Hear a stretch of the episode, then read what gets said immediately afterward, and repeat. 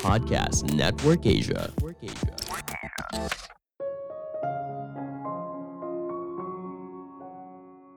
Hidup yang bahagia punya tujuan yang jelas dan menjawab panggilan di dalam jiwa setiap orang. Halo semuanya, nama saya Michael. Selamat datang di podcast saya, Sikutu Buku. Kali ini saya akan bahas buku The Road to Character karya David Brooks. Sebagai informasi, podcast Sikutu Buku sekarang bergabung dengan Podcast Network Asia dan Podmetrics loh.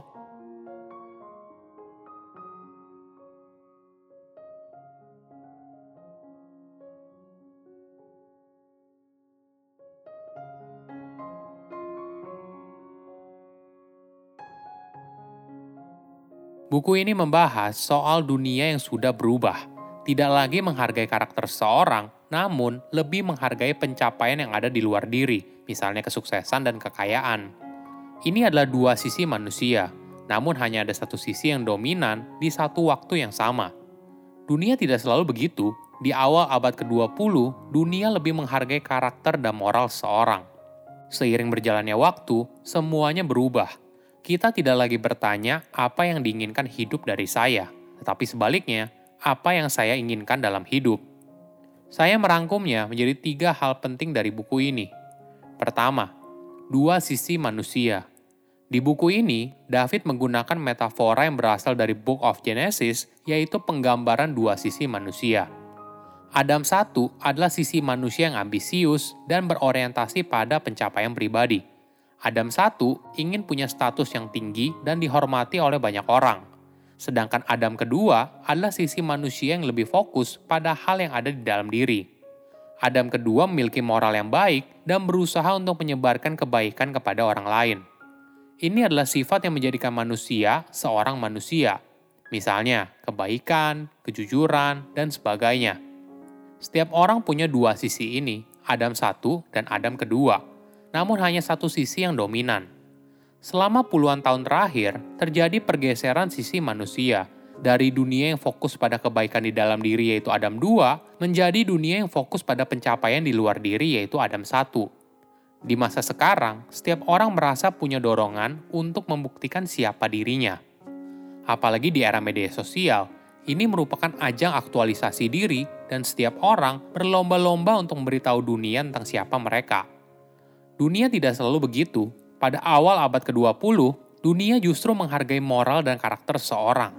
Ada contoh yang menarik dari Amerika Serikat. George Bush senior yang tumbuh di era Adam II nyaris tidak pernah berbicara tentang dirinya sendiri. Selama kampanye untuk menjadi presiden, George sangat menghindari promosi diri sehingga dirinya banyak mencoret kata saya dalam semua pidato kampanye. Apa yang membuat dunia berubah? David berpendapat, sejak pertengahan abad ke-20, keseimbangan antara kedua Adam itu telah berubah.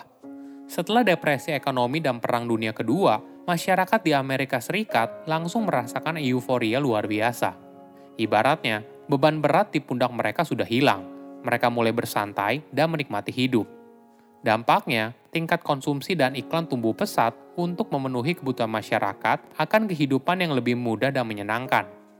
Berlanjut ke era 1950-an dan 1960-an merupakan era tentang kebanggaan diri dan pemberdayaan. Di era ini, komunitas yang terpinggirkan misalnya perempuan dan minoritas mulai mencari keadilan dan menuntut adanya kesetaraan. Tentu saja ini hal yang baik, namun di sisi lain, kita juga melihat perubahan perilaku masyarakat yang terobsesi dalam mengejar pencapaian pribadi.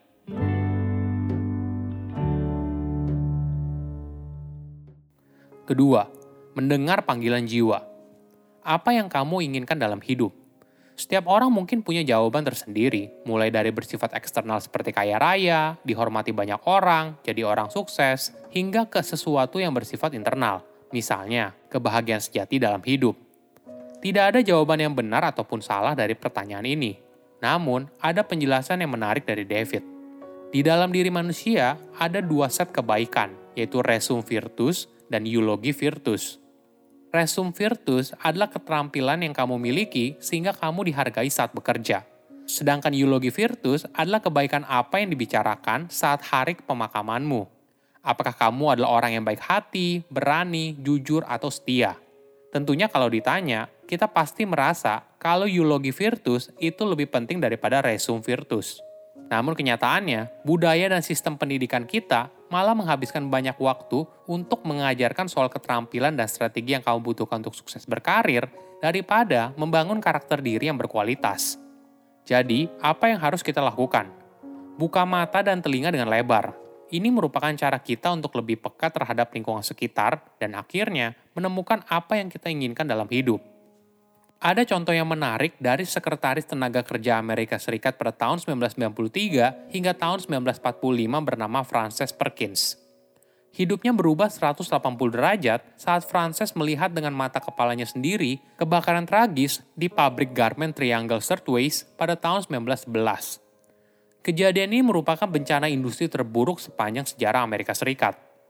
Saat itu, banyak gadis meninggal karena melompat dari lantai tinggi dalam upaya putus asa untuk menyelamatkan diri. Gadis tersebut kebanyakan merupakan imigran dan berada dalam garis kemiskinan. Kebakaran ini merenggut 146 karyawan pabrik yang terperangkap dalam gedung yang tidak aman untuk bekerja. Tragedi ini mengejutkan publik dan memantik sesuatu yang ada di dalam diri Frances. Sejak saat itu, dia sadar kalau pendidikan kelas atas dan aspirasi egois tidak akan memberinya tujuan hidup yang berarti ada panggilan di dalam jiwa Frances untuk mendorong perubahan dan mencegah hal yang serupa muncul lagi di masa depan. Hingga akhirnya, puluhan tahun kemudian, yaitu pada tahun 1970, Undang-Undang Keselamatan dan Kesehatan Kerja disahkan, dan misi utamanya untuk memastikan bahwa karyawan dapat melaksanakan tugas mereka dalam kondisi kerja yang aman. Dari kisah ini kita belajar, Frances Perkins menemukan tujuan hidupnya dengan tidak bertanya, apa yang saya inginkan dalam hidup, tapi sebaliknya, apa yang diinginkan hidup dari saya?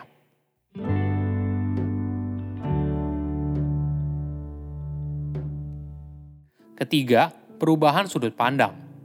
Dunia yang berubah juga membuat pola pikir kita berubah.